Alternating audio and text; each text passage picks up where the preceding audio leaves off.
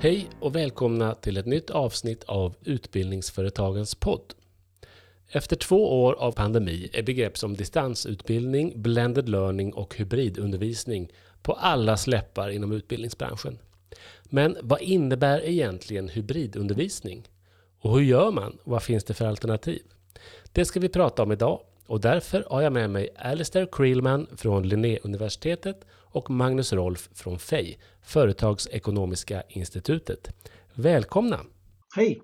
Hej och tack! Trevligt att ha med er här idag. Jag tänkte att ni ska få börja att presentera er lite grann. Alistair Creelman, vem är du? Ja, jag jobbar vid Linnéuniversitetet i Kalmar och uh, har, har jobbat där sedan 2005 och jag är e-lärande specialist. Jag jobbar på sektion högskolepedagogik och eh, intresserar mig för allt kring distansutbildning, e-lärande, allt som handlar om hur vi använder teknik i undervisning. Tackar. Och sen har vi Magnus Rolf med oss från FEI, Företagsekonomiska institutet. Ja, visst, eh, eh, jag, eh, jag är vd här på FEI. Ja, det är så länge nu så det börjar bli pinsamt att berätta hur länge jag har varit här. Jag har varit vd i 17 år. Vi är ju en jättegammal organisation som förr i tiden hette Sveriges kontoristförening, grundades 1888. Nu för tiden är vi ett utbildningsföretag och Eh, erbjuder utbildning och all, alla våra kurser eh, erbjuds med den här lösningen som vi kallar för Fayflex som är en hybridlösning. Mm. Och eh, det är väl det jag ska försöka prata lite om idag. Då, Precis, vi, ska ju prata hybridundervisning här idag. Vi, vi kommer in på hur ni har löst det på Fayflex alldeles strax. Men jag tänker Magnus, 17 år på samma företag, det är väl en det är väl inget att skämmas för, det är väl en merit? Nej, jag skojar, jag skojar bara. Det, det tyder ju på något, att man, jag tycker det är roligt att jobba med det här, det är fantastiskt kul. Jag har alltid jobbat med utbildning och just utbildning för vuxna och eh, mest företagsutbildning då, så att det, det är ju fortsatt lika kul faktiskt. Ja. Jag tänker Alistair, du som är e-lärande specialist, vi ska ju prata hybridundervisning här idag, men är, är det en sån här typisk trend som vi ser just nu i kölvattnet av pandemin? Och finns det andra ellärande trender som, som är viktiga just nu? Det är en trend kan man... Det, eftersom vi tvingades uh, köra allting på distans under den värsta tiden under pandemin Mm. Så när vi nu kommer tillbaka till campus så är det inte bergsäkert att alla studenter kan komma till campus igen eller väljer eftersom de ser att möjligheten finns att um, försöka stanna hemma. Det, det, är kanske bekvämare eller um, passar deras livsstil bättre. Så många har kastat sig in i idén att vi måste göra både och. Um, och det kan man, men det är inte utan utmaningar.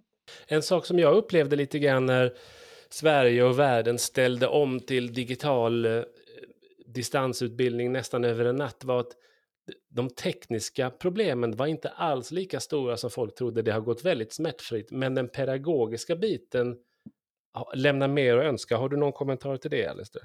Ja, det verkar stämma. Jag har läst rapporter från många länder um, och flera kontinenter och det, det, är samma, man hör samma erfarenheter.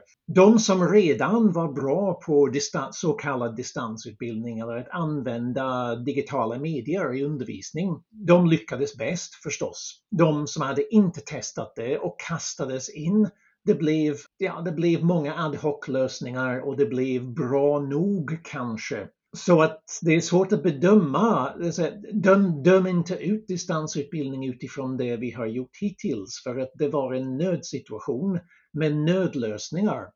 Nu måste vi fundera flera gånger. Vi måste lyfta den pedagogiska nivån och inte bara försöka översätta det vi gör i klassrummet i den fysiska vi måste tänka om och det är inte bara pedagogiken. Det finns mycket som vi måste planera om och tänka om när det gäller våra strukturer och våra processer.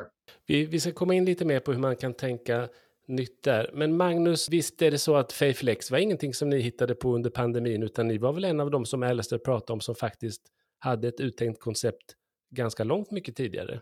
Ja, det stämmer. Vi, vi började med den här hybrida Flexmodellen för ja, det är över tio år sedan faktiskt. Eh, för oss var det ju ett sätt att, att expandera geografiskt. Vi, vi har ju alltid eh, varit en, en haft Stockholm som eh, Stockholmsbaserad verksamhet och Stockholm som bas, men vi funderade då på vad har vi för möjligheter att nå ut till en större publik, en större marknad.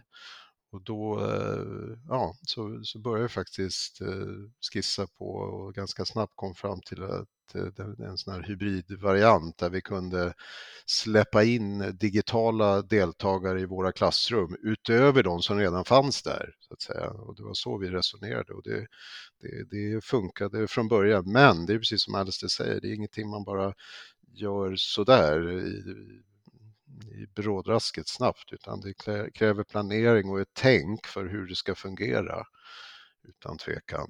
Men jag tycker vi har, vi har hållit på i som sagt eh, över tio år nu och kört många tusen kurser eh, enligt den här modellen. Sen har vi ju förfinat hur leveransen går till och vilken teknik vi använder. Men, men konceptet, det här att det ska vara lika bra oberoende av var man är, om man sitter i klassrummet eller om man är med på distans, det, det finns kvar från början så att säga. Det, mm. Det, det, ska finnas val, valfrihet och det ska vara lika bra hur man än medverkar. Men eh, tolkar jag dig då rätt, Magnus, att eh, studenterna eller deltagarna, de, de är på plats samtidigt i realtid och en del sitter i klassrum och en del sitter någon annanstans? Ja, precis så. Och, och, och det heter ju som vi har valt att kalla det eh, Fayflex. Och det, det, som hörs på namnet då, det ska vara flexibelt så att vi, vi har gjort så från början att man, man som kursdeltagare så får man, man har alltid ett val. Om det är en, vi har ju många kurser som går kanske eh, över en termin eller över ett antal veckor, någon eller några gånger per vecka och då, då säger vi till våra till våra deltagare och deras arbetsgivare om ni vill, om ni har möjlighet så kan ni komma hit första veckan och sen sitta kvar på kontoret nästa vecka och så vidare. Det, mm. det är total valfrihet och det är många som utnyttjar det. Sen finns det naturligtvis de som, som väljer att vara med i klassrummet hela tiden om de föredrar det och vice versa då med, mm. på distans.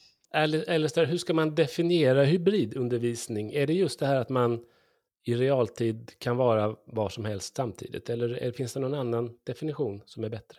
Jag tror alla håller på att hitta, hitta sina definitioner just nu. Eh, visst, det handlar om att försöka göra två saker samtidigt. Eller att, att vi pratar också om blended learning som också kan eh, förväxlas med detta. Det finns även begrepp som high flex. Ni får eh, slå upp det.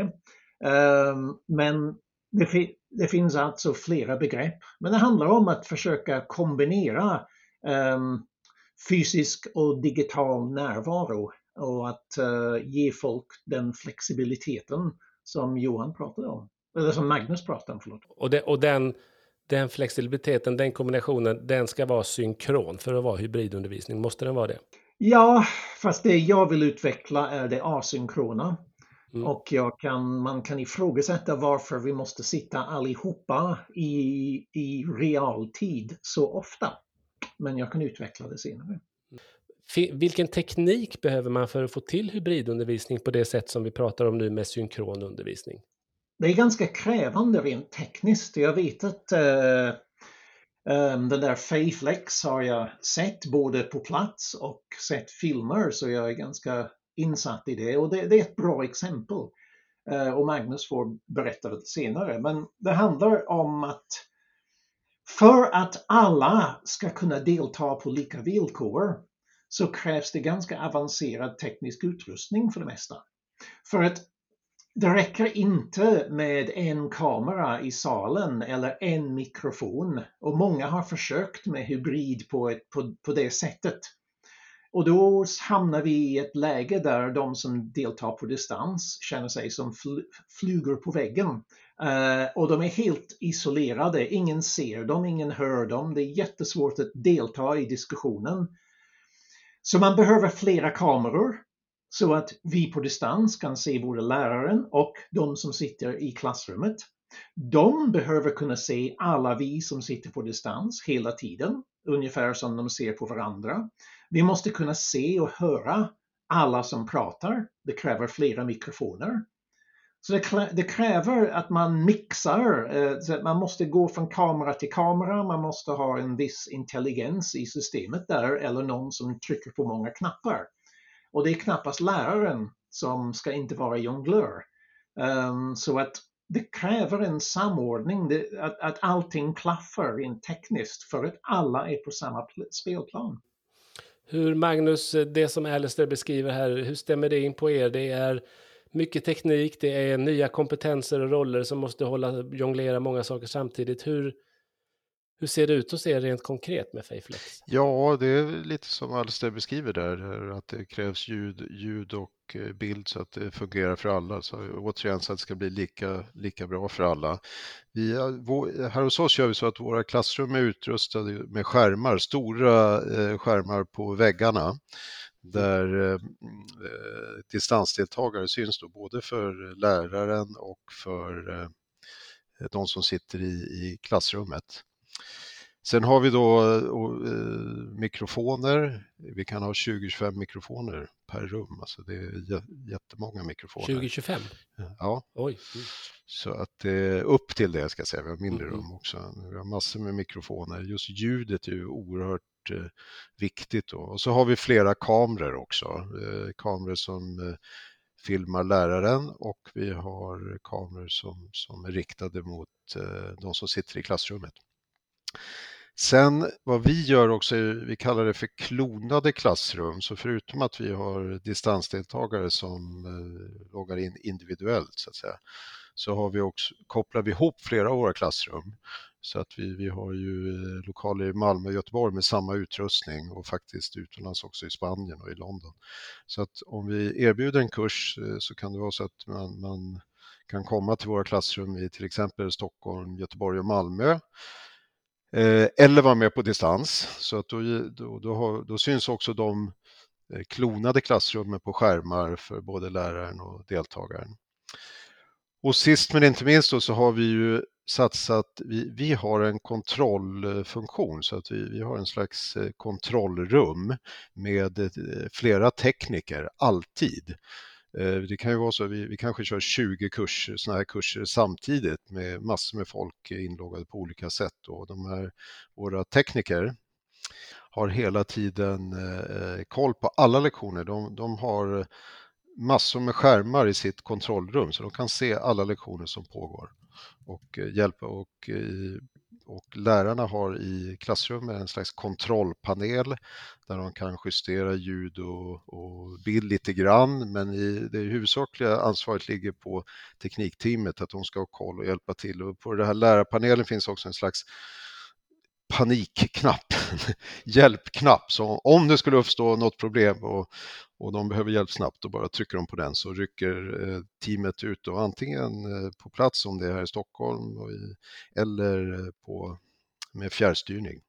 Så att det, det tror jag är nyckeln för vår verksamhet, just den här att det fungerar så väl hos oss, det är den här att vi har kontroll över allt som sker i alla klassrum. Det är alltså inte upp till läraren helt och hållet, själva undervisningen upp till läraren, men, men att ha koll på tekniken och att allting fungerar för alla, det har vi en särskild funktion för. Det här med klonade klassrum, innebär det också att även lärare faktiskt, att lektionen kan skötas från någon annan ort? Mm.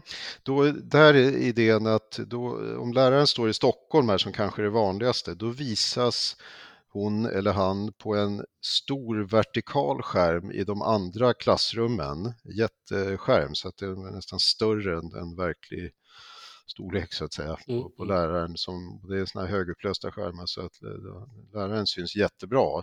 Och då jobbar vi med lärarassistenter i de rummen så att det finns en person i, i det mottagande rummet eh, så att säga, som, som hjälper till och är en slags facilitator där. Har en, läraren syns då på de här vertikala skärmarna. Det funkar jättebra också. Mm. Alistair, vad tänker du när du hör Magnus berätta om, om deras lösning som du också har sett och är väl insatt i? Vad finns det för fördelar och nackdelar med en sån här lösning? Jo, jag tycker det är en, en lösning som eh, definitivt fungerar i mina ögon. Jag menar, det, det, det, er, er koncept är genomarbetad, um, fungerar och um, attraherar folk. Så att jag menar, ni, ni har en väldigt tydlig nisch. Tekniken lyfta fram det, men det hjälper inte andra eh, organisation, utbildningsorganisationer. Eh, ett ganska stort universitet som vi, det, det är helt orealistiskt att prata i sådana termer. Eh, vi kan inte utrusta alla klassrum på det här sättet och vi, vi, har, inte, vi har inte möjlighet att ha en sån kontrollfunktion som kollar alla lektioner. Vi har hundratals varje dag. Um, och ibland kan det vara så 20, 30, 50 lektioner samtidigt inom universitetet varje timme, varje dag. Så att um, den, den sortens kontroll är omöjlig. Samtidigt så har vi jobbat med hybridundervisning utan att kalla det för det um, i över 20 år. Jag minns när jag först kom till Högskolan i Kalmar 2005. Um, då hade vi många distansutbildningar, vi hade många utbildningar med eh, kombinerade studenter på plats i en studio i Kalmar plus uh, uppkoppling via um, så kallad telebild, videokonferenslänkar till ibland upp till tio kommunala lärcentra runt om i landet och det satt studenter på varsin ort och alla var med. Och då hade vi en lösning där alla såg alla, eh, även om mikrofonerna var inte så bra som de är idag. Men det fungerade rätt bra, så det finns lång erfarenhet. Men samtidigt, idag har vi flera rum som är utrustade så att vi kan ta in deltagare via Zoom. Men eh, inte helt perfekt. Vi har en del som är utrustade men de allra flesta saknar eh, Eh, alla dessa mikrofoner, olika kameror, eh, tillräckligt med skärmar med mera. Och det är också hur man lägger ut skärmarna. Jag vet eh, hos Magnus och, och Fej att det, det finns Läraren kan titta på studenter i rummet och det finns en kamera och en skärm längst bak så att när jag tittar ut mot de fysiska deltagarna så tittar jag samtidigt in i en kamera och därmed ser jag med ögonkontakt alla som är på distans. Och det gäller att ha dessa kameror på rätt ställe. Um, så fort, om du inte klarar det så, så man, man skärmar av sig mot de som sitter på distans. Så om man ser läraren från sidan eller ibland om läraren går ur bild som jag har sett på fler, inte ja, på externa ska jag säga, föreläsningar, men det händer säkert hos oss också. Men att um, det, det, är ganska hemskt när läraren bara försvinner och man hör en röst någonstans för att kameran hänger inte med. Så det finns många, många farhågor om man inte har all den backup som ni har där i Stockholm. Magnus. Men Magnus, jag tänker ni, ni har ju uppenbarligen tänkt en hel del kring och, och, faktiskt testat er fram också under många år för att få till något som ändå är state of the art. Vad, vad skulle du säga om du skulle skicka med ett råd till de av dina kollegor i utbildningsbranschen som vill börja med hybrid? Var, var ska man börja någonstans? Vi valde ju att bygga upp det här successivt. Vi, vi hade den här idén att vi ville göra det och, och började att testa med med vissa kurser och så, så när vi märkte att det gick bra så fortsatte vi och nu går, har alla våra kurser det här upplägget. Sen eh, handlar det ju inte bara om eh, själva undervisningen, undervisningssituationen, live-situationen. Det är ju väldigt mycket eh, bakom kulisserna också naturligtvis. Man måste ju ha ett system, ett administrativt system eh, eh och ett, en lärplattform och allting sånt som fungerar med den här typen av undervisning. Då. Eh, och det har vi, så att det här, vårt Fayflex-koncept är inte bara själva lektionerna utan det är ju också en slags automatiserad i så hög grad som möjligt kundresa från att vi marknadsför kurserna till att vi genomför dem och, och gör uppföljning och så. Så det är också mm. en väldigt viktig del att man liksom har en backoffice eh, upplägg som funkar. Mm. Alistair, har du något råd till de som vill börja och kanske inte riktigt har de, den tekniska utrustningen och sådär som Fej och Magnus har? För det första kan man, kan, man, kan man ställa några pedagogiska frågor. Måste vi träffas på det här sättet? Ett alternativ är att man satsar på kanske en mindre um, kostsam lösning i salen så att folk kan eh, att distansdeltagarna kan, de kan vara med och de kan delta till viss del och, och istället satsa på mer flipped classroom. Alltså många, många, ja, de kallas för föreläsningstimmar, eller hur? Många är rena föreläsningar. Hur mycket av den informationen hade ni kunnat spela in i förväg? Kan ni skapa interaktiva, kollaborativa arbetsytor? Det kan vara dokument, det kan vara storyboards, mindmaps, många olika digitala verktyg. Lärplattformen självklart. Där efter att ha sett inspelningen kan de ställa frågor, eh, kommentera, kommentera varandra och skapa en dialog. Sen när vi har då, när vi kopplar upp oss allihopa så kanske mindre ambitiöst tekniskt men håll det kort. Så att det gemensamma mötet med alla kan vara, säg bara en halvtimme.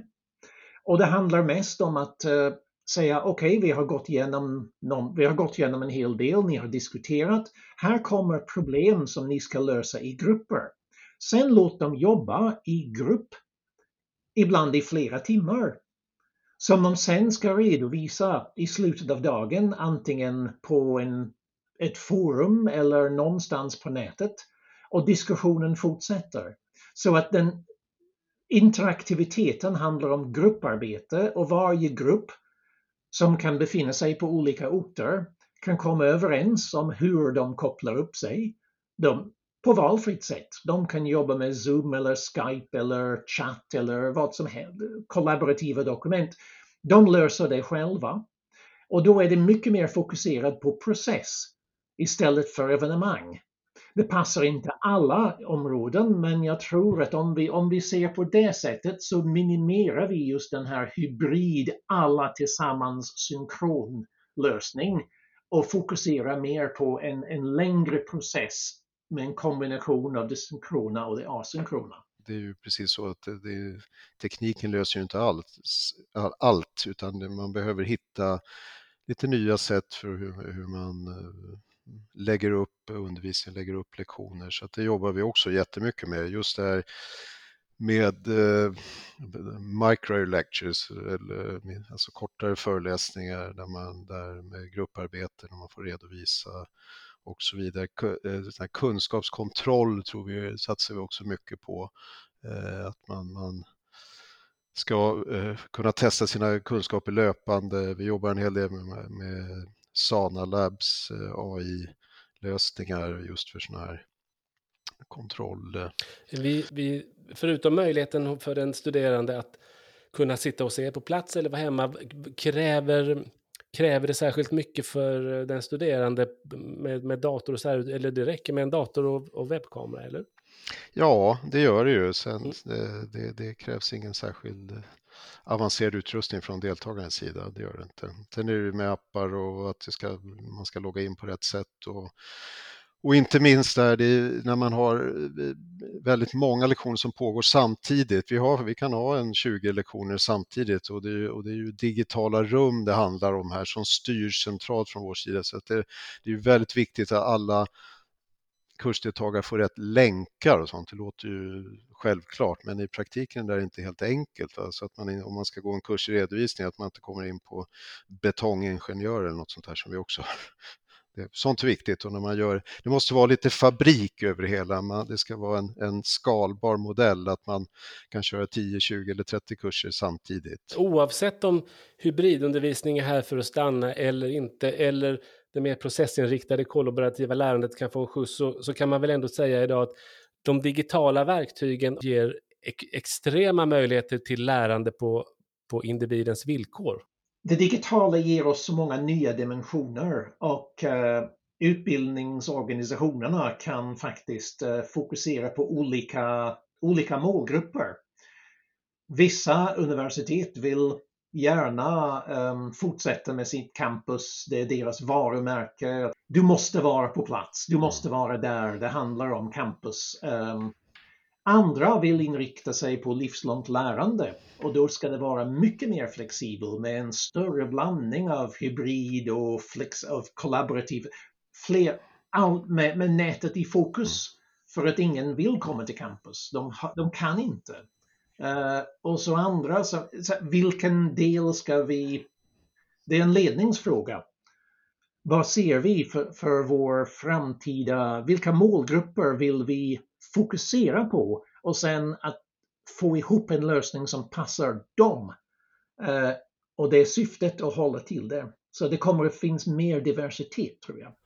Och med de orden rundar vi av det här avsnittet om hybridundervisning och digitalt lärande. Stort tack Alistair och Magnus för att ni ville vara med idag. Tack så mycket.